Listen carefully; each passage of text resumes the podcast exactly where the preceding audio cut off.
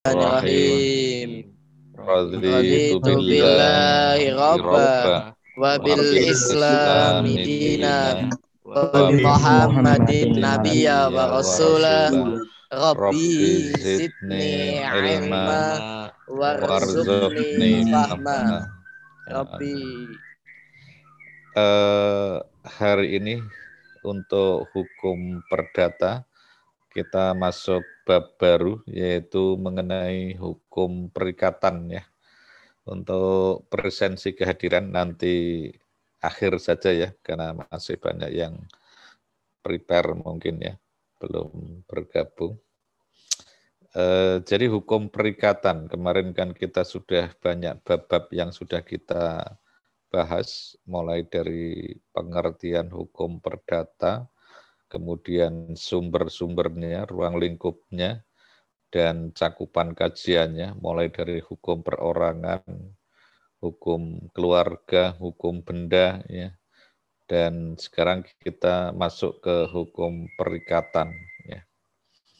Jadi dalam kehidupan manusia bermasyarakat, interaksi sosial itu terjadi dalam berbagai sektor kehidupan, baik yang menyangkut muamalah, menyangkut harta kekayaan, ataukah mungkin menyangkut hal-hal lainnya. Nah, eh, dalam perspektif hukum perdata, eh, ada satu bidang hukum yang memberikan penguatan terhadap interaksi sosial yang sudah menyangkut hak dan kewajiban orang itu harus dituangkan dalam bentuk dokumen perikatan ya. Misalnya kita melakukan jual beli itu untuk harta benda tertentu seperti yang kemarin sudah kita bicarakan misalnya benda yang tidak bergerak seperti tanah ya. Maka ketika terjadi jual beli itu harus ada dokumen perikatan yang wujudnya adalah akta jual beli. Nah, akta jual beli itu adalah sebuah dokumen hukum yang menggambarkan adanya satu bentuk perikatan, yaitu perikatan jual beli. Atau mungkin bidang yang lain, mungkin sewa menyewa, ya, ataukah mungkin perjanjian kerjasama, ataukah mungkin perkawinan ya walaupun itu perkawinan itu merupakan bentuk perikatan khusus ya tapi itu pada hakikatnya juga terjadi perikatan karena lahir hak dan kewajiban antara pihak yang satu dengan pihak yang lain yang mengikatkan diri dalam satu kehidupan rumah tangga sebagai suami istri. Ya. Nah sekarang kita bahas apa toh yang dimaksud dengan perikatan. Ya. Eh, kita perspektifnya adalah hukum perdata umum ya. Jadi yang dimaksud dengan perikatan ya, ini saya mengutip di antaranya pendapat Ridwan Syahrani ya. Perikatan itu adalah hubungan hukum antara dua pihak di dalam lapangan harta kekayaan di mana pihak yang satu berhak atas prestasi dan pihak yang lain berkewajiban memenuhi prestasi. Ya. Nomenklatur prestasi ini bukan yang dimaksud prestasi seperti prestasi akademik, ya, seperti predikat cum laude, ya, memuaskan atau mungkin predikat-predikat yang lainnya atau prestasi-prestasi dalam kejuaraan itu bukan. Prestasi itu satu tindakan yang dilakukan seseorang dalam rangka untuk memenuhi kewajiban yang merupakan hak bagi orang lain, itu prestasi. Misalnya jual beli. Prestasinya apa? Bagi penjual adalah menyerahkan benda yang dijualnya. Itu prestasi. Nah, kemudian bagi pembeli berhak memperoleh prestasi apa? Ya benda yang dibeli. Nah, pembeli juga punya prestasi. Apa? Menyerahkan sejumlah uang pembayaran yang telah disepakati sebagai uang pembelian. Nah, prestasinya yang menjadi hak orang lain bagi pembeli, eh bagi penjual. Ya, penjual berhak untuk menerima uang pembayaran dari pembeli. Itu namanya prestasi. Nah, makanya dalam hukum perdata ada istilah wan prestasi. Orang yang tidak memenuhi kewajiban melakukan prestasi itu dinamakan wan prestasi karena tidak menging, apa, melakukan atau melaksanakan kewajiban yang menjadi haknya pihak lain. Nah, perbuatan itu dinamakan wan prestasi atau ingkar janji. Ya, karena tidak memenuhi janjinya, tidak memenuhi kewajibannya, apa yang semestinya harusnya dilaksanakan yang menjadi hak pihak lain. Makanya ada istilah prestasi, ada wan prestasi. Ada kontra prestasi. Nah, itu nanti istilah-istilah itu nanti akan kita bicarakan. Nah, jadi sekali lagi kembali kepada pengertian perikatan adalah hubungan hukum antara dua belah pihak di dalam lapangan harta kekayaan ya. Walaupun sebetulnya tidak hanya dalam bidang harta kekayaan, tapi ini Ridwan Syahrani mungkin ketika mengkaji dalam satu aspek hukum dibatasi dalam bidang harta kekayaan. Padahal yang namanya perikatan ya tidak hanya dalam bidang harta kekayaan ya, seperti tadi perkawinan ya, itu juga tidak hanya semata-mata kewajiban dan hak menyangkut harta benda, tapi hak-hak yang lain yang sifatnya bukan dalam bentuk harta benda. Nah, jadi perikatan itu sekali lagi kalau secara umum ya apa yang menjadi kesepakatan kedua belah pihak itu sebetulnya bentuknya nanti adalah hukum perikatan ya. ya jadi sekali lagi pendapat Ridwan Syahrani itu adalah eh, pembatasan ya, tidak hanya dalam bidang harta kekayaan sebetulnya. Kalau kita lihat dalam aspek perikatan yang sifatnya lebih umum, tapi paling tidak kita sudah memperoleh gambaran ini sebagai contoh adalah di bidang harta kekayaan, di mana pihak yang satu berhak atas prestasi dan pihak yang lain berkewajiban memenuhi prestasi. Itu tentang pengertian dari perikatan. Ya. Kemudian subjek dan objek. Ya. Subjek perikatan itu ada kreditur, ada debitur. Ini sebetulnya istilah yang dalam, kali lagi dalam arti sempit kalau objeknya dalam bidang harta kekayaan lebih khusus lagi di bidang keuangan, maka ada istilah kreditur dan debitur seperti yang ada di dalam perbankan ya. Itu kan ada istilah kreditur, ada debitur. Ini ini lebih menyempit lagi. Ini perikatan dalam bidang perjanjian pinjam meminjam uang ya dalam bidang perbankan. Maka istilahnya subjeknya itu ya kreditur dan debitur. Pihak yang berhak itu dinamakan kreditur, pihak yang berkewajiban itu dinamakan debitur. Ya. Jadi beda lagi nanti kalau dalam bidang tadi sewa menyewa ya antara penyewa dan yang menyewakan kan begitu. Kalau dalam bidang jual beli ya ada penjual dan pembeli. Kalau di bidang perkreditan ya ada kreditur, ada debitur. Nah, itu tentang subjek hukum dalam perikatan ya. Tergantung nanti perikatannya akan menyangkut bidang apa. Makanya subjek hukumnya istilahnya juga berbeda-beda, nomenklaturnya juga berbeda-beda ya.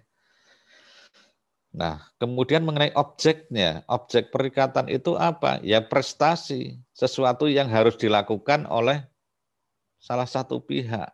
Itu prestasi ya. Itu objek dari perikatan ya. Saya kira sudah jelas ya.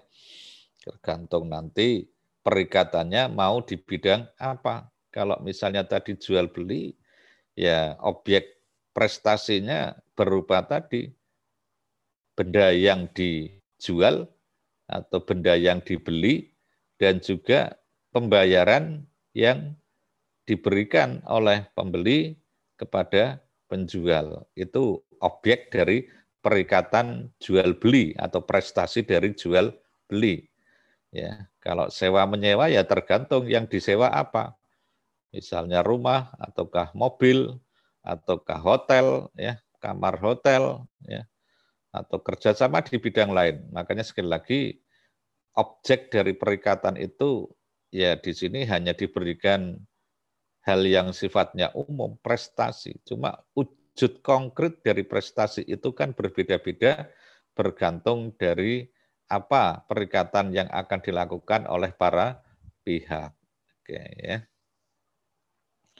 Kemudian yang berikutnya adalah tentang wujud prestasi. Nah, tadi yang sudah saya singgung-singgung. Di dalam pasal 1234 BW atau KUH Perdata, ya, wujud prestasi itu apa? Bisa memberi sesuatu bisa berbuat sesuatu. Makanya tadi saya katakan bahwa pendapat Ridwan Syahrani itu terlalu sempit kalau hanya menyangkut harta kekayaan. Nah, karena apa? Di dalam pasal 1234 itu wujud prestasi itu kan tidak harus dalam bentuk memberikan sesuatu, dalam bentuk benda, dalam bentuk uang, kan tidak hanya itu tapi bisa berbuat sesuatu atau tidak berbuat sesuatu. Loh, ini ada perjanjian itu atau perikatan yang prestasinya dalam tindakan atau tidak melakukan perbuatan. Contoh untuk berbuat sesuatu. Ya, perjanjian kerja ya. Perjanjian kerja itu objeknya tidak hanya berupa benda, tapi bisa perbuatan sesuatu. Misal, ada orang perjanjian kontrak bangunan atau perjanjian kerja di sebuah perusahaan. Nanti kalau saudara bekerja di sebuah perusahaan swasta biasanya, itu nanti kalau Anda sudah dinyatakan diterima, ya mendapatkan SK sebagai pegawai di perusahaan itu, maka ada dokumen yang namanya perjanjian kerja. Anda sebagai pekerja atau karyawan nanti menjadi pihak untuk membuat satu perikatan yang namanya perjanjian kerja dengan pihak perusahaan. Nah, di situ nanti ada hak dan kewajiban, ada prestasi yang harus dilakukan oleh Anda yaitu melakukan pekerjaan yang menjadi tugas Anda di dalam perusahaan. Itu kan berarti berbuat sesuatu. Prestasi yang harus Anda lakukan ya wujudnya berupa perbuatan sesuatu, pekerjaan sesuatu yang menjadi job description Anda di dalam sebagai pegawai di perusahaan itu. Nah, pihak perusahaan juga punya prestasi apa? Sesuai dengan ketentuan Undang-Undang Ketenagakerjaan, setiap pegawai atau karyawan atau pekerja itu berhak mendapatkan upah atau gaji. Nah, itu berarti wujudnya prestasi dalam perjanjian kerja itu bisa dalam bentuk uang, upah atau gaji, bisa dalam bentuk perbuatan sesuatu bagi pegawainya. Nah, itu wujud dari prestasi yang bentuknya adalah berbuat sesuatu kalau yang memberikan sesuatu tadi contoh jual beli, ya ada uang pembelian, ada benda yang dijual. Nah, kemudian kalau tidak berbuat sesuatu, apakah ada bisa terjadi diperbolehkan dalam aspek hukum perdata? Kamu harus bikin pernyataan, perikatan yang intinya Anda tidak boleh melakukan sesuatu. Justru kalau melakukan sesuatu, anda berarti melanggar perjanjian. Bisa. Karena pada dasarnya orang membuat perjanjian itu bebas. Makanya nanti ada dikenal asas konsensualisme. Bahwa para pihak bebas membuat bentuk perjanjian, objek perjanjian sepanjang tidak bertentangan dengan hukum dan kepatutan. Jadi untuk melakukan perbuatan, tolong kamu jangan berbuat sesuatu. Karena kalau nanti kamu berbuat sesuatu, itu bisa membahayakan saya misalnya. Kamu jangan mengatakan sesuatu. Nanti kalau kamu ngomong mengatakan sesuatu, itu kamu malah dianggap mengingkari janji. Nah, itu boleh meskipun ini tidak banyak dilakukan. Yang paling banyak yaitu memberi sesuatu atau berbuat sesuatu. Itu paling banyak wujud prestasi yang terjadi dalam praktek kehidupan masyarakat. Terjadi ya, tidak terlalu banyak dilakukan oleh praktek kehidupan manusia dalam interaksi sosial, kehidupan sosial sehari-hari ya. Oke, itu tentang wujud prestasi ya. Kemudian sumber perikatan. Nah, ini sudah aspek yuridisnya, aspek hukumnya. Menurut pasal 1233 KUH Perdata, ya, sumber perikatan itu ada yang berasal dari undang-undang, ada yang berasal dari perjanjian. Nah, jadi dua kemungkinan ya perikatan itu bisa terjadi bisa lahir karena adanya undang-undang bisa karena perjanjian yang pertama berdasarkan undang-undang ada perikatan yang terjadi berdasarkan undang-undang saja ada perikatan yang terjadi dengan undang-undang tapi karena perbuatan manusia contoh perikatan yang terjadi berdasarkan undang-undang saja, itu antara warga negara dengan pihak pemerintah. Itu terjadi karena berdasarkan undang-undang saja. Misalnya warga negara sebagai pemegang harta kekayaan yang menjadi wajib pajak. Kita kan tidak pernah bikin perjanjian dengan pemerintah. Saya sebagai pihak pertama, pemerintah sebagai pihak kedua, Kemudian saya wajib membayar pajak bumi dan bangunan. Saya wajib membayar kendaraan setiap tahun berapa sesuai dengan jenis kendaraannya. Ada yang satu juta, ada yang lima juta, ada yang puluh juta, bahkan ada yang ratusan juta pajaknya kan, tergantung kendaraannya. Kalau mobilnya mobil sejuta umat, misalnya Avanza sini ya murah itu paling sekitar 2 juta atau mungkin 3 juta, tapi kalau yang mobil tertentu ya bisa puluhan juta ya pajaknya. Nah, kita tidak pernah itu bikin perjanjian, tapi karena ada undang-undang pajak, maka setiap pemegang harta kekayaan yang memenuhi syarat wajib pajak, maka dia wajib membayar pajak. Kalau tidak membayar pajak, kena denda, kan begitu. Ya, untung sekarang kalau di IY kan ada pemutihan denda pajak ya. Kalau terlambat itu tidak dikenakan pajak, tapi hanya sampai bulan ini kalau tidak salah bulan Juni. Nanti kalau sudah lewat bulan Juni eh, sudah tidak ada pemutihan denda pajak ya. Harus dibayar ya. Saya pernah itu ya kena denda pajak karena lupa waktu itu ya saya tinggal umroh ya kalau tidak salah pikir saya sudah terbayar tapi ternyata belum terbayar, ya lumayan dendanya ya. ya karena 25 persen. Ya, 25 persen dari 5 juta sekian itu kan lumayan kan. Nah, itu itu contoh perikatan yang terjadi berdasarkan undang-undang saja. Tidak usah bikin perjanjian, itu kita terikat oleh undang-undang untuk memenuhi prestasi kepada negara. Harus membayar pajak itu contoh perikatan yang lahir atau bersumberkan dari undang-undang saja. Ada yang B, perikatan yang lahir dari undang-undang karena perbuatan manusia.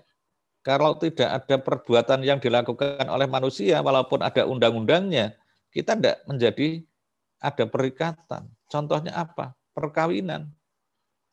Perkawinan itu adalah satu bentuk perikatan yang lahir karena undang-undang, tapi karena manusia berbuat berbuat apa ya? Karena melakukan ijab kabul. Kalau saya tidak melakukan ijab dan kabul, saya tidak punya kewajiban, tidak ada perikatan dengan istri saya untuk memberikan nafkah kepada istri dan anak-anak yang dilahirkan.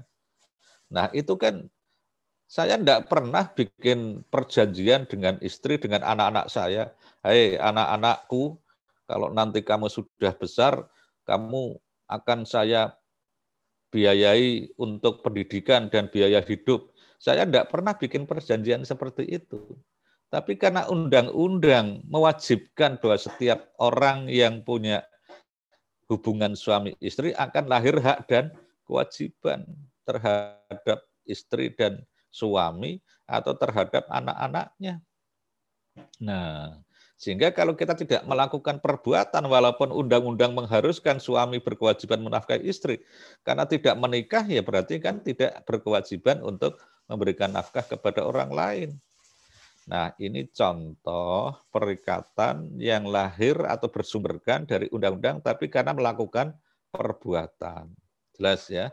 Ada yang tanpa perbuatan sudah terikat, tadi contohnya dalam hal pajak, tapi ada yang kita terikat secara otomatis karena undang-undang mewajibkan, hukum Islam mewajibkan. Ya, undang-undang perkawinan itu kan bunyinya perkawinan sah apabila dilaksanakan menurut hukum agamanya. Nah, kita sebagai muslim, agama kita mewajibkan kalau sudah terjadi perikatan suami istri, maka suami wajib menafkainya. Ada lahir hak dan kewajiban. Istri berkewajiban terhadap suami, suami berkewajiban terhadap istri. Prestasinya macam-macam kan tidak harus dalam bentuk nafkah uang. Ada hubungan-hubungan, ada perbuatan-perbuatan, ada hal-hal yang sifatnya bukan harta kebendaan. Itu objek prestasinya kan seperti itu dalam keluarga sebagai suami istri dan orang tua terhadap anak misalnya atau anak terhadap orang tua. Seperti yang kemarin sudah kita bicarakan dalam hukum keluarga kan begitu. Ada kewajiban anak terhadap orang tua ada kewajiban orang tua terhadap anak. Ada hak anak ada hak orang tua. Ada hak suami ada hak istri. Ada kewajiban suami ada kewajiban istri nah itulah bentuk perikatan yang lahir atau bersumberkan dari undang-undang karena perbuatan melawan hukum. Nah, ini pun dibagi menjadi dua. Tadi kan contohnya perkawinan itu perikatan yang lahir karena undang-undang karena manusia melakukan perbuatan yang sesuai dengan hukum. Ada juga yang kedua dari yang B ini, yang melawan hukum. Jadi ada undang-undang yang mengharuskan kepada seseorang yang terbukti bersalah melakukan perbuatan melawan hukum, wajib untuk memberikan ganti rugi terhadap orang yang dirugikan karena dia melakukan perbuatan melawan hukum. Nah, misalnya ada orang yang menipu orang lain, atau ada orang yang melakukan perbuatan sehingga menimbulkan kerugian orang lain, misalnya kecelakaan lalu lintas, ya menimbulkan korban, korbannya sampai meninggal atau mungkin sakit, luka berat misalnya. Itu ada perikatan yang terjadi karena undang-undang dan undang-undang itu mengikatkan terhadap orang itu karena orang itu melakukan perbuatan melawan hukum. Nah, karena melawan hukum dia menjadi terikat oleh hukum untuk memberikan ganti rugi terhadap orang yang dirugikan. Nah, jadi ada dua contoh ya. Yang satu yang melakukan perbuatan sesuai hukum, contohnya perkawinan. Yang satu melaksanakan undang-undang karena melakukan perbuatan melawan hukum, yaitu tadi mungkin bentuknya kan macam-macam yang namanya melawan hukum. Ada mungkin contoh kecelakaan lalu lintas, atau mungkin dokter atau rumah sakit yang melakukan kelalaian sehingga pasiennya meninggal misalnya. Nah, itu itu melawan hukum. Nah, karena melawan hukum, undang-undang mengikatnya. Eh, Anda sudah terbukti bersalah anda harus memberikan ganti rugi terhadap orang yang Anda rugikan karena kesalahan Anda. Nah, itu contoh perikatan yang lahir berdasarkan undang-undang karena perbuatan yang sifatnya melawan hukum atau melanggar hukum. Ya. Oke, jelas ya yang terkait dengan perikatan yang lahir karena berdasarkan undang-undang. Nah, yang kedua adalah perikatan yang lahir karena adanya perjanjian. Wah, contohnya banyak sekali ya tadi perjanjian jual beli, perjanjian sewa menyewa atau mungkin bentuk yang lainnya. Nah, dengan perjanjian itu maka lahir hak dan kewajiban antara pihak yang satu dengan pihak yang lain yang terikat dalam perjanjian itu sendiri. Saya kira ini nanti ada dasar hukum lebih lanjut yang harus kita bicarakan, yaitu di dalam pasal 1320 KUH Perdata tentang syarat sahnya perjanjian. Nanti kita bicarakan. Oke, itu ya tentang pengertian perikatan dan sumber-sumber perikatan. Ada yang mau didiskusikan atau ditanyakan terlebih dahulu sebelum saya lanjutkan? Untuk Ustaz, mau bertanya Ustaz. Ya. Untuk yang masalah pengangkatan anak angkat itu masuknya mana Ustaz? Ya. Pengangkatan anak itu kan terjadi dalam kehidupan masyarakat modern. Kalau di dalam Islam kan istilahnya kan mengasuh anak ya. Jadi dalam bahasa hukum memang menggunakan istilah pengangkatan anak. Kalau dalam perspektif hukum, hubungan hukum antara anak dengan orang tua angkat itu hanya sebatas hubungan hukum karena anak angkat dan orang tua, tapi bukan menjadi berubah atau terputus dengan orang tua kandungnya. Misal saya mengangkat anak, saya ajukan ke pengadilan untuk ditetapkan sebagai anak angkat. Nah, itu bukan ahli waris saya. Ya, kalau saya meninggal, dia bukan sebagai ahli waris saya. Tapi saya karena sudah bertanggung jawab dalam undang-undang tentang pengangkatan anak itu diatur syaratnya saya harus menjalankan kewajiban untuk mendidik, membesarkan, menafkahi anak. Itu memang ada ketentuannya. Tapi dia bukan ahli waris saya. Nah, bagaimana caranya untuk melindungi hak anak angkat agar nanti mendapatkan bagian dari saya? Saya bisa membuat hibah atau pemberian atau wasiat. Nanti kalau saya meninggal, tolong anak angkat saya diberi itu ya. Ya, tapi kalau saya tidak meninggalkan wasiat apa pun, tidak menghibahkan kepada anak, anak tidak berhak untuk mendapatkan bagian dari warisan dari saya. Nah, makanya itu anak angkat ya. Jadi hubungannya sebagai ahli waris dengan orang tua kandungnya, dia tidak terputus secara hukum. Ya, tapi hubungan hukum, kalau hubungan biologisnya tetap dengan orang tua kandungnya.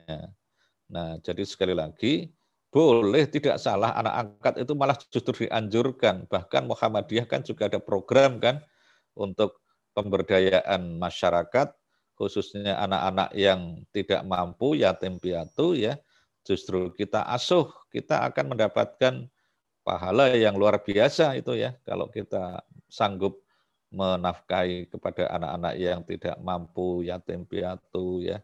Itu sangat luar biasa. Tapi secara hukum tadi dia hanya bisa mendapatkan harta kekayaan dari orang tua angkat lewat hibah atau wasiat itu pun tidak bisa lebih dari eh, dua per tiga ya ya tidak boleh sepertiga atau dua pertiga nanti saya ceknya ya.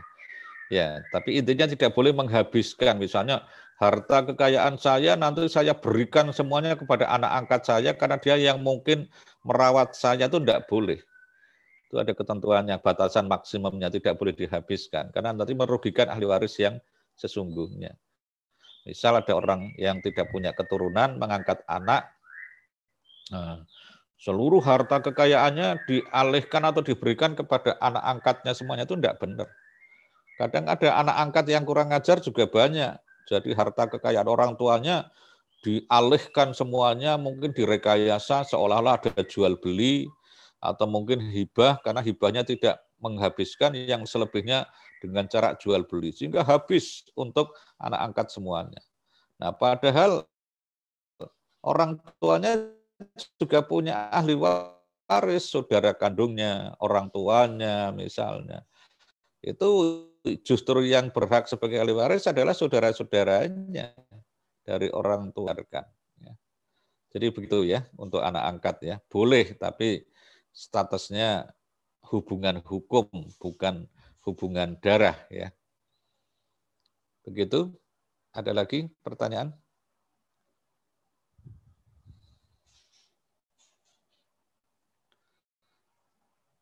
Enggak ada? Halo.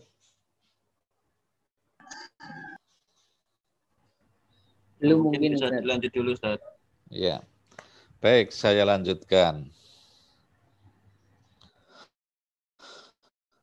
Macam-macam perikatan ya. Tadi sudah kita bahas sebetulnya ya dalam keperdataan istilah-istilah ini ada perikatan perdata ya bergerak verbentenis ya ada naturleg verbentenis kemudian ada perikatan spesifik ya ada perikatan generik, ada perikatan alternatif, ada perikatan fakultatif. Ini pada dasarnya perikatan itu sama, hanya tergantung nanti klausul-klausul yang dibuat dalam perikatan itu seperti apa. Ini yang menjadi perbedaan-perbedaannya muncul ada naturleg verbintenis, ada bergerlek verbintenis. Kalau bergerlek verbintenis itu yang mengacu kepada peraturan perundang-undangan. Ya, perikatan yang naturleg itu yang terjadi secara alami tidak ada perbuatan. Kemudian perikatan spesifik itu yang memang diberikan objek secara khusus sehingga ada sifatnya spesifik. Ini tergantung pembagiannya.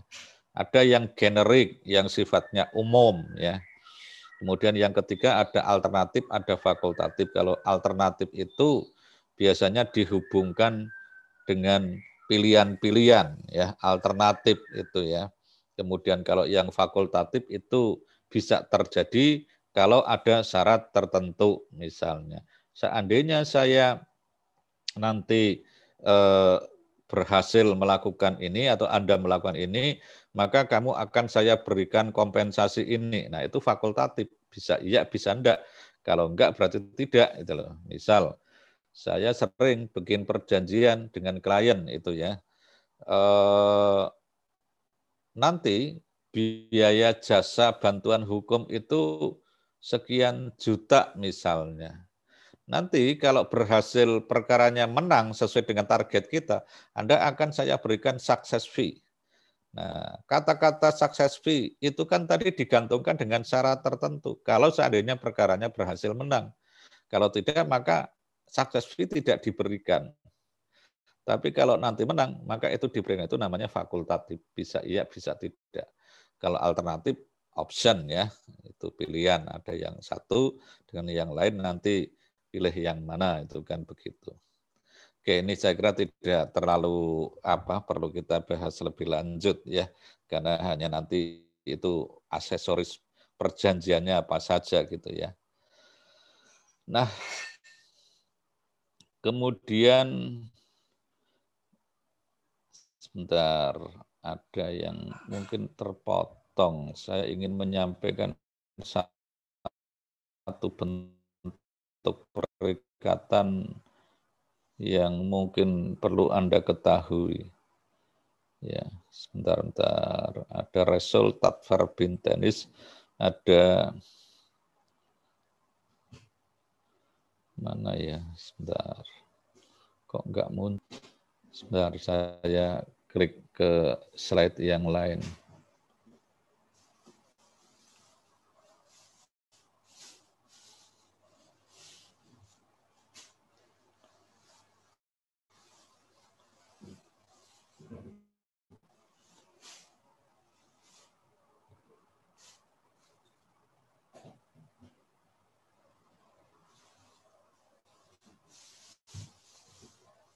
Bentar ya, saya anunya dulu buka slide yang lain dulu.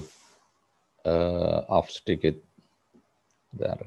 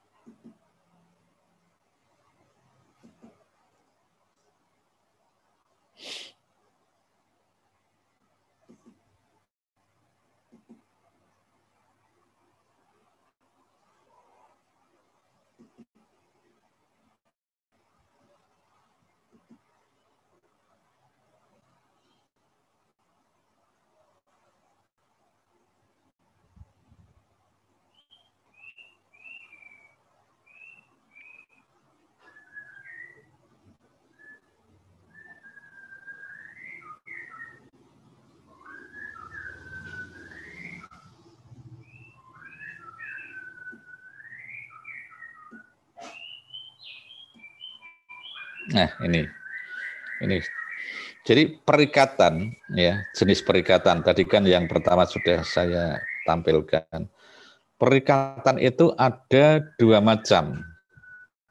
Berdasarkan apa ya, pada umumnya perikatan dalam hubungan pelayanan medis ini yang sering terjadi ya.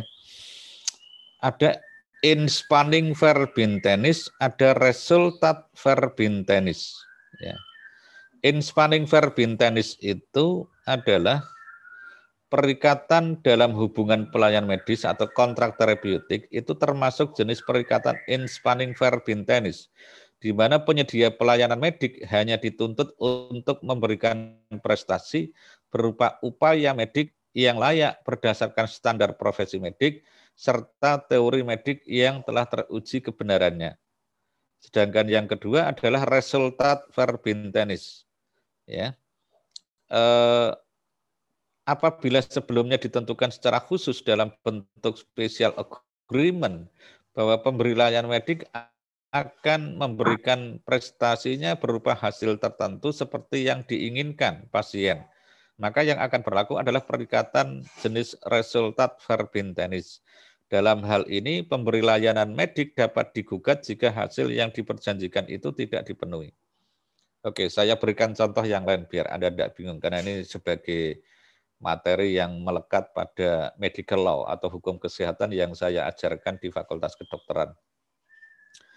Jadi, in spanning verb intennis itu bisa terjadi dalam perikatan-perikatan dalam hubungan jasa. ya. Misal, saya sebagai legal consultant atau advokat, ya saya membuat perjanjian, perikatan dengan klien saya. Tapi bentuk prestasinya itu tidak seperti halnya resultat verbintenis. Kalau misalnya saya membuat perjanjian atau perikatan dengan klien saya, saya hanya berkewajiban melakukan prestasi untuk melakukan tindakan-tindakan hukum yang dibenarkan menurut hukum tapi tidak boleh memberikan perikatan dalam bentuk prestasi yang sifatnya menjanjikan menang atau kalahnya perkara. Misal, saya punya klien, saya tidak boleh bilang sama klien saya, pasti perkara kita menang. Walaupun dalam hati saya sudah bisa menghitung apakah ini menang atau kalah secara eh, teori hukum bisa diprediksi, tapi tidak dibenarkan seorang advokat, seorang legal consultant menjanjikan kepada kliennya untuk menyatakan, oke, okay, kita bikin perjanjian. Kalau menang, saya dibayar 100 juta misalnya. Kalau kalah, saya tidak perlu dibayar atau mungkin dibayar separuh. Itu tidak boleh. Karena apa yang saya berikan prestasi itu menurut hukum acara itu hanya berkewajiban melakukan tindakan yang dibenarkan menurut hukum soal menang dan kalah, benar dan salah itu hakim yang memutuskannya. Itu in spanning verbin tenis. Sama dengan bidang layanan medis, seorang dokter walaupun dia sudah melakukan upaya tindakan medis yang secara teori mungkin sangat menjanjikan kesembuhannya. Tapi dia tidak boleh mengatakan kepada pasien, pasti sembuh kalau dengan tindakan ini. Kalau tidak sembuh, tidak usah bayar. Itu tidak boleh. Itu in spanning verb intennis. Jadi bentuk perikatannya, prestasinya itu tidak dalam bentuk konkret yang diperjanjikan di dalam perikatan itu. Salah. Makanya dokter kalau ditanya kepada keluarganya, gimana dok, pasien atau saudara saya ini, gitu. ya insya Allah sembuh. Ya, kadang tidak terima itu keluarganya masuk. Kira-kira prosentasenya berapa persen dok? Ya, yang 70 persen atau 50 persen sembuh, yang 50 persen itu doa misalnya itu itu karena nggak boleh menjanjikan kesembuhan dan tidaknya. Advokat, konsultan hukum juga nggak boleh menjanjikan menang atau kalahnya perkara. Berbeda dengan yang resultat verbintenis. apa yang diperjanjikan itu harus konkret bentuknya yang di dalam perjanjian diatur secara eksplisit. Misalnya perjanjian pemborongan rumah, dibikin model rumahnya, gambarnya, luasannya, spesifikasi materialnya, lantainya pakai granit, kusen-kusennya pakai jati yang unggul, ya misalnya kemudian kusen-kusennya model ukir Jepara misalnya, itu dibuat dalam gambar, kemudian dihitung nanti berapa biayanya. Nah, seandainya nanti ternyata dikerjakan, ternyata tidak apa yang diperjanjikan tidak pas, itu one prestasi. Ya. Itu resultat verbintenis. Ya. Jadi satu perikatan atau perjanjian ya eh, objeknya secara eksplisit diperjanjikan dalam perikatan itu. Itu resultat verbinten. Sehingga kalau tidak sesuai dengan apa yang dijanjikan, maka bisa digugat. Kalau dokter, advokat, kalau seandainya perkaranya kalah, atau mungkin seandainya pasien tidak sembuh, seperti yang diharapkan keluarga pasien misalnya, tidak bisa digugat, tidak bisa disalahkan sepanjang apa yang dilakukan itu tindakannya sudah sesuai dengan prosedur. Ya, advokat tidak bisa digugat karena kalah berperkara sepanjang tindakannya sudah benar menurut hukum acara. Dokter tidak boleh digugat kalau pasien tidak sembuh, kalau dia sudah melakukan tindakan medis yang benar. Beda halnya kalau dokter itu melakukan kesalahan, salah obatnya, atau tindakan medisnya keliru. Nah, itu baru bisa dipersalahkan untuk perbuatan melawan hukum. Advokat juga begitu. Kalau tindakan yang dilakukan advokat itu tidak benar dibiarkan atau mungkin menelantarkan ataukah mungkin seenaknya sendiri tidak hadir dalam sidang misalnya. Nah, itu bisa digugat. Tapi kalau dia sudah menjalankan tugas-tugasnya sesuai dengan hukum yang berlaku, kewajiban-kewajibannya dijalani, itu sudah selesai. Nah hasilnya nanti tidak menang, ya itu mungkin hakim yang berwenang memutuskannya. Kalau medis ya yang berwenang untuk menyembuhkan dan tidaknya adalah Allah, bukan dokternya yang memutuskan. Dokter hanya wajib ikhtiar.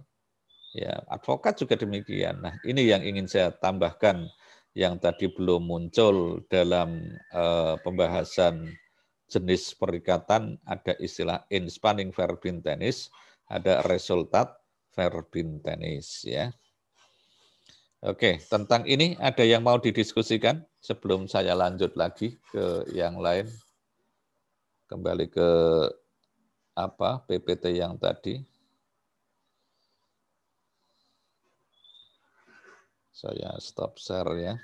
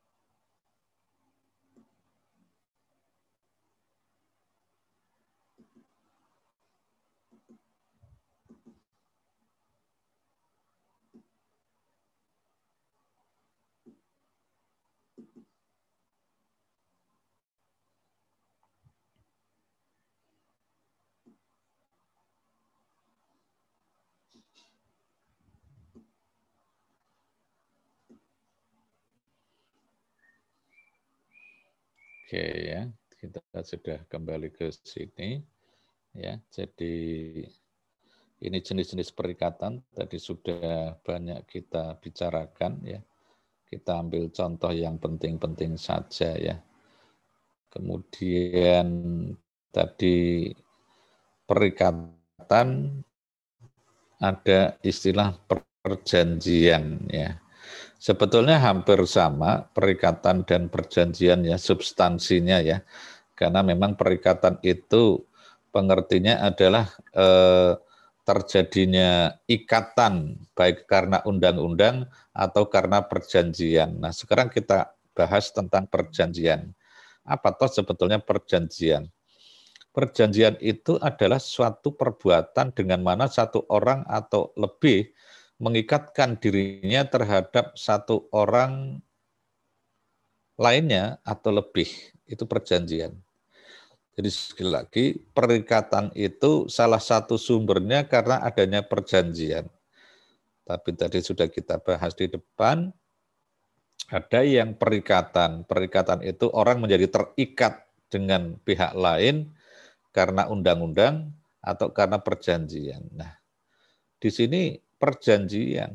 Kalau perjanjian itu ada tindakan yang secara aktif dari para pihak untuk mengikatkan diri terhadap orang lain untuk terikat dalam bidang tertentu, misalnya perjanjian jual beli. Yuk kita sudah sepakat kan jual belinya mobil Anda sudah saya beli atau mungkin tanah Anda dan rumahnya sudah saya beli misalnya satu miliar. Nah, untuk jelasnya kita tuangkan dalam bentuk perjanjian. Nah, buatlah perjanjian jual beli ya. Karena masih di bawah tangan. Nanti kan resminya kan dibawa ke notaris atau PPAT kan untuk dibuatkan akta perjanjian. Jadi cara membuat perjanjian bisa di bawah tangan, bisa dengan di atas di hadapan pejabat publik dalam hal ini notaris atau PPAT. Kalau dua belah pihak ya cukup perjanjian sewa menyewa atau perjanjian jual beli yang bertanda tangan di bawah ini identitasnya lengkap pihak satu. Selanjutnya disebut sebagai pihak pertama, penjual misalnya. Dua, identitas lengkap, nama, tempat tanggal lahir, alamat, pekerjaan. Selanjutnya disebut sebagai pihak kedua atau pembeli. Nah, hasil berikutnya, kedua belah pihak sepakat dan dengan sadar tanpa ada paksaan untuk mengikatkan diri dalam satu perjanjian jual beli dengan ketentuan sebagai berikut. Nah, pihak pertama sebagai pemilik sebidang tanah dan rumah seluas sekian di lokasi di sini bersedia untuk menjual kepada pihak kedua. Nah, poin berikutnya, pihak kedua sepakat untuk membeli sebidang tanah sebagaimana dimaksud dalam poin di atas dengan harga sekian miliar misalnya. Nah, kemudian klausul berikutnya tentang pembayaran. Kedua belah pihak sepakat pembayaran dilakukan dengan secara tunai atau cash. Wah, kemudian dilakukan pembayaran cash ya atau mungkin dilakukan secara bertahap tahap pertama, tahap kedua dan tergantung kesepakatan. Karena pada hakikatnya apa yang diperjanjikan itu adalah apa yang telah disepakati oleh kedua belah pihak. Itu dalam prinsip perjanjian ya. Jadi tidak bisa ditentukan bahwa jual beli harus dibayar sekaligus lunas. Tidak ada undang-undang yang mengatur seperti itu. Ya. Tergantung kesepakatan kedua belah pihak. Sewa menyewa juga begitu. Misalnya Anda nyewa rumah atau kos misalnya. Ada yang bayarnya satu tahun sekaligus, ada yang setiap bulan, ada yang enam bulan sekali. Nah, ini kan tergantung kesepakatan kedua belah pihak. Makanya di sini suatu perbuatan dengan mana satu orang lain atau lebih mengikat diri terhadap orang lainnya atau lebih. Nah, kemudian unsur perjanjian, ada unsur mutlak, unsur naturalia, ada unsur eksidensia ya. Pertama unsur mutlak, yang kedua unsur yang melekat, unsur tambahan ya. Misalnya unsur yang mutlak, ya harus ada objek yang jelas, apakah jual beli ataukah sewa menyewa itu disebutkan. Ya. Kemudian unsur yang melekat. Nah, unsur yang melekat ya hak dan kewajiban otomatis kalau jual beli ya ada nilai pembayaran yang harus dijadikan prestasi. Itu untuk yang melekat. Otomatis kan tidak ada orang jual beli kok tidak ada harganya itu seberapa pun ya harus disepakati. Ada jual beli yang tanpa harga nggak ada, itu pasti ada namanya bukan jual beli, tapi pemberian nanti. Ya. Kemudian unsur tambahan, ya unsur tambahan tadi apa yang telah disepakati, misalnya dengan cara pembayaran secara tunai sekaligus ataukah dengan cara diangsur secara bertahap. Nah, itu kan tambahan-tambahan karena ada kesepakatan kedua belah pihak ya. Oke, kemudian yang berikutnya ini yang mungkin Anda harus paham betul ini. Ya. Tentang syarat sahnya perjanjian. Ini diatur di dalam pasal 1320 KUH Perdata. Yang pertama harus ada kata sepakat mereka yang mengikatkan diri. Ya. Jadi kalau perjanjian itu tidak ada kata sepakat, ya namanya bukan perjanjian. Karena syarat untuk dinyatakan sah adanya suatu perjanjian, menurut pasal 1320 ya harus ada kata sepakat. Nggak bisa perjanjian kok dipaksakan, kamu harus membeli. Nah, ini nanti kalau terjadi seperti ini, maka perjanjian itu dapat dibatalkan. Ya, karena ada paksaan, tidak menjadi sukarela, ya. Yang kedua, cakap untuk membuat perjanjian. Orangnya itu orang yang cakap. Cakap itu dari segi usianya, serta dia tidak terganggu kejiwaannya. Dan tidak terhalang oleh keadaan tertentu itu cakap untuk membuat perjanjian. Ya, jadi kalau perjanjian itu dianggap sah apabila yang membuat itu adalah orang yang cakap hukum dan ada kesepakatan kedua belah pihak. Itu namanya syarat subjektif ya. Poin satu dan dua itu syarat subjektif seandainya dilanggar pasal 1320 yang angka ke-1 dan 2, maka tadi saya katakan perjanjian itu dapat dibatalkan. Ya, jadi kalau poin satu tidak ada kata sepakat atau mungkin yang melakukan itu tidak cakap hukum, maka perjanjian itu bukan batal demi hukum, tapi dapat dibatalkan. Kalau enggak ada yang mengajukan pembatalan ya sah. Tapi kalau ada yang keberatan itu bisa dibatalkan. Ya. Yang ketiga, suatu hal tertentu harus ada objeknya apa? Objeknya itu apakah sewa menyewa atau jual beli ataukah kerjasama ataukah mungkin perjanjian tentang kerja ataukah jasa ya. Itu harus ada kejelasan ada objek tertentu. Ya. Sedangkan yang keempat adalah ada kausa yang halal suatu sebab yang halal. Jadi yang diperjanjikan itu bukan merupakan tindakan yang dilarang oleh undang-undang atau bertentangan dengan kepatutan. Misalnya bikin perjanjian, oke kamu akan saya buatkan rumah yang mewah kalau nanti korupsi saya tidak ketahuan misalnya. Itu kan berarti kan perjanjian yang digantungkan oleh sebab yang dilarang oleh undang-undang.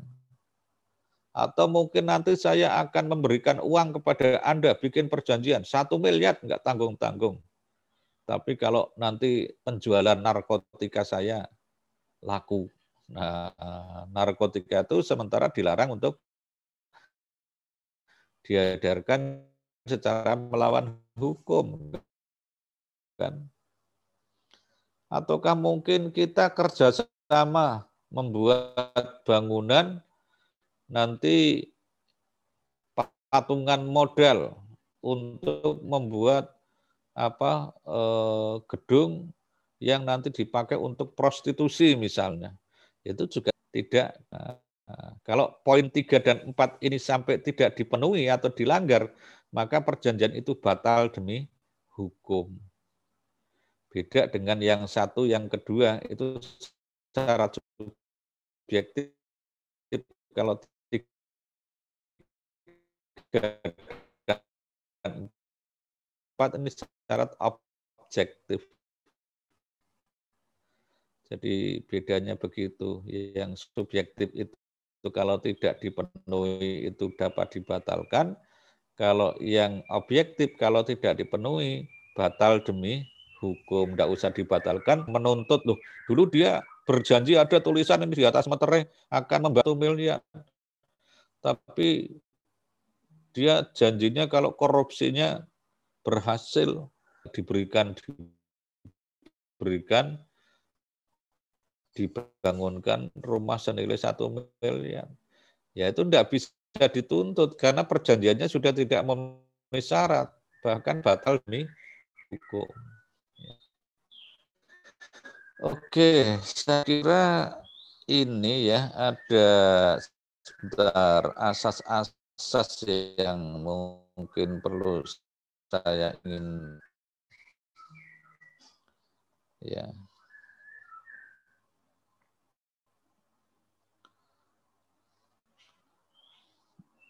banyak yang terpotong ini. Ada asas fakta servan.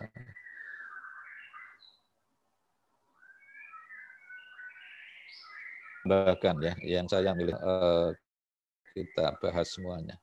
Yang pertama ada asas fakta san servanda. Mungkin saya di awal kuliah pernah menyampaikan tulisannya PACTA, fakta san RVANDA bahwa apa yang telah disepakati oleh kedua belah pihak merupakan hukum bagi para pihak yang membuat perjanjian. Itu asas, ya, asas dalam hukum perikatan dan perjanjian. Fakta san servanda. Ya, tolong dicatat bisa ya, fakta san servanda. Apa yang telah disepakati oleh para pihak merupakan hukum bagi para pihak yang membuat perjanjian itu sendiri. Itu satu. Yang kedua tadi asas kebebasan berkontrak atau konsensualisme. Bahwa para pihak bebas menentukan isi perjanjian sepanjang tidak bertentangan dengan hukum. Itu asas konsensualisme. Nah, prakteknya makanya tadi saya katakan, mau sewa menyewa, mau jual beli, mau apa. Yang penting tidak bertentangan dengan hukum. Oke, saya kira itu ya tentang hukum perikatan yang saya sampaikan. Nanti dibaca literaturnya, nanti kalau kuliah yang akan datang belum jelas bisa kita diskusikan lebih lanjut. Silakan kalau ada yang mau ditanyakan.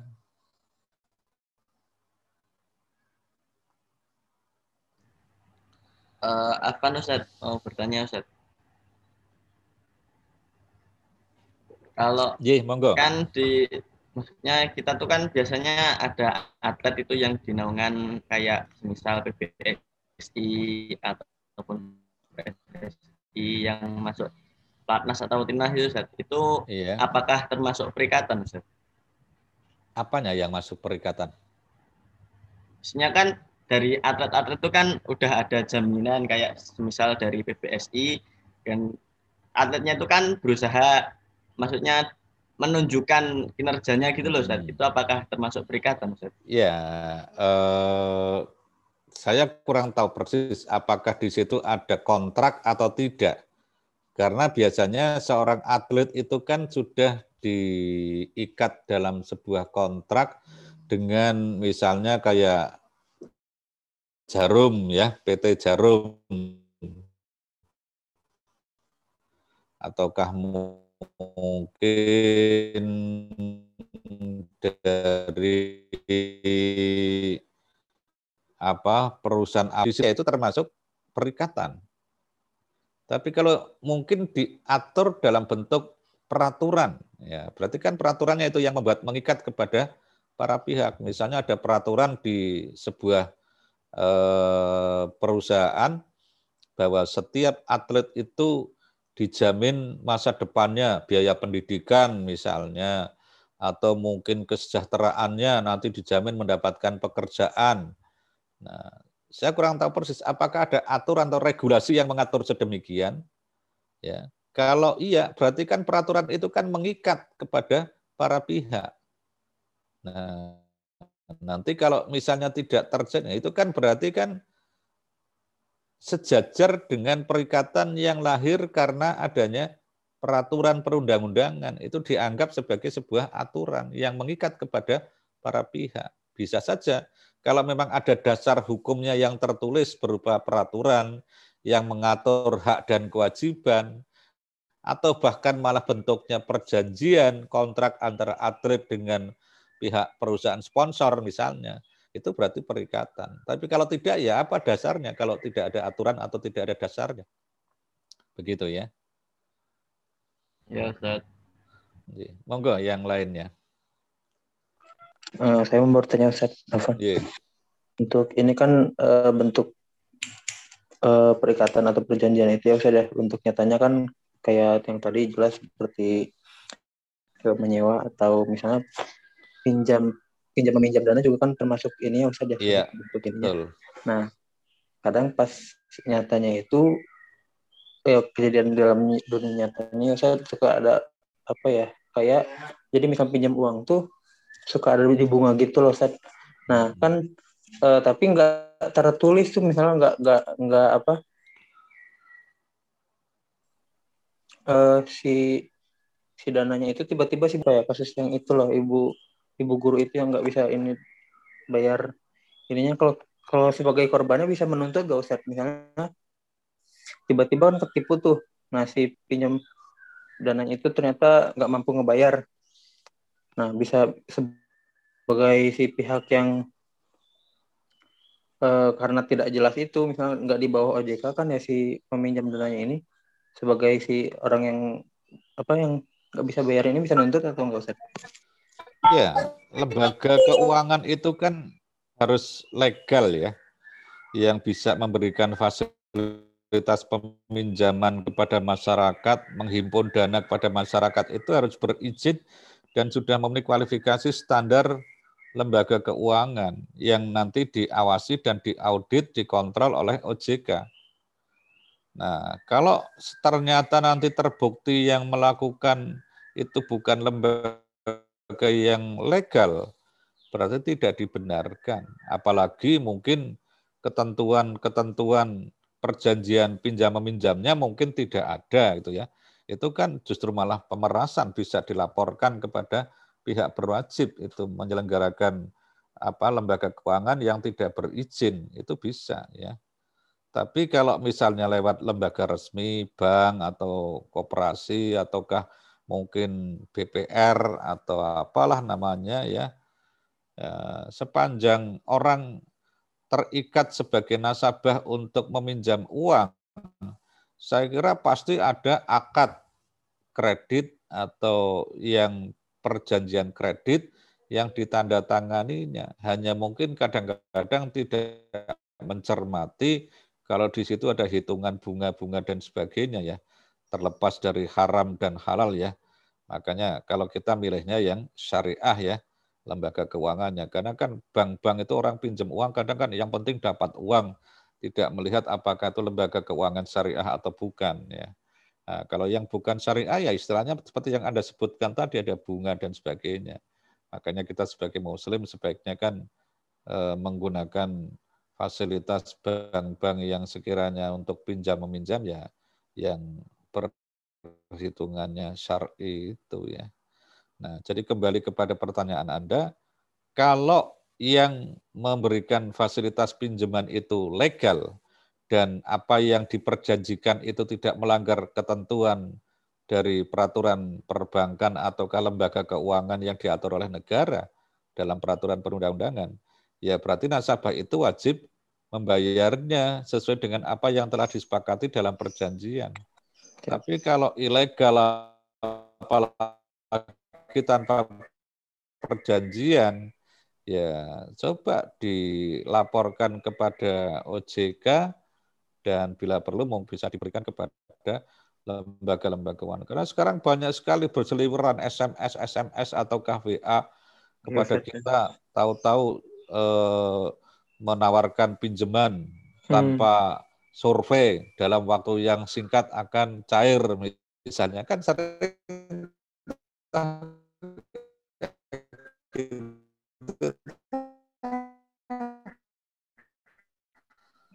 Banyak. Nah, itu hati-hati karena tidak semuanya tuh lembaga yang legal itu. Kalau Hmm. nanti kita terjebak kayak gitu ya hanya diperas saja akhirnya kita menjadi korban pemerasan oknum-oknum pelaku perbankan ilegal atau mungkin lembaga keuangan ilegal itu tadi. Monggo. Ustaz. Siap. Yang lain? Kalau tidak ada, saya presensi kehadiran ya untuk kelas A dulu. Hadir. Ustaz. Ahmad Rizky, Hadir Ustadz. ya. Dimas Novaldi, Hadir Ustaz. Dimas, Hadir Ustaz. Hadir Ustaz. Habibur Rahman, Hadir Ustaz. ya. Isa An-Nafi, Hadir Ustaz. Isa, Ya hadir Ustaz. Belum join, Isa, Hadir Ustaz. hadir ya, iya tadi saya sudah lihat. Anugrahan Sejati, Hadir Ustaz. Anugrahan, ya. Maulan, Hadir Ustaz. ya. Hadir Ustaz. Iya, Miftahul Khair, Hadir Ustadz Miftahul. Ridwan Furqoni, Hadir. ya. Rifki Yuanda, Rifki, hadirkah Rifki? Hadir Ustaz ada di rumah. Ada ya. Oke, Oke, yang kelas A hadir semuanya 12. Kelas B Ahmad Hafid. Ahmad Hafid? Tidak hadir. Ahmad Saidi? Ahmad Saidi? Tidak juga. Ahmad Zakwan?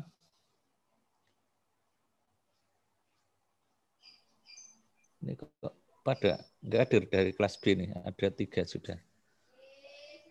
Arman Nurdin, Hadir Ustadz. oke.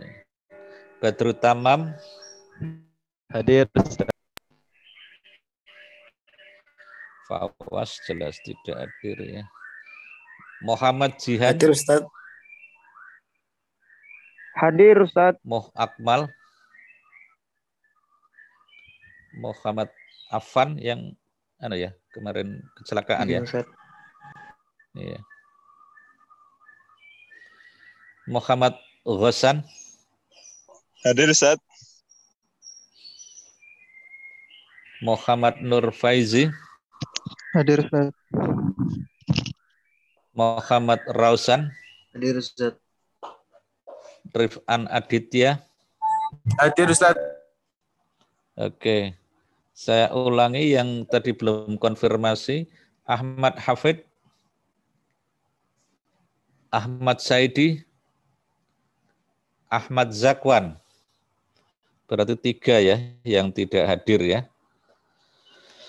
Baik, saya kira untuk kuliah hari ini saya anggap cukup ya. Insya Allah kita ketemu lagi di Ahad yang akan datang. Oleh karena itu, marilah kuliah pada pagi hari ini kita akhiri dengan hamdalah bersama. Alhamdulillah. Alhamdulillahirrahmanirrahim. Assalamualaikum warahmatullahi wabarakatuh. Waalaikumsalam warahmatullahi wabarakatuh. Warahmatullahi Iya, wabarakatuh. Iyakum. Jazakallah khair ya Ustaz. Iya, wa iyyakum.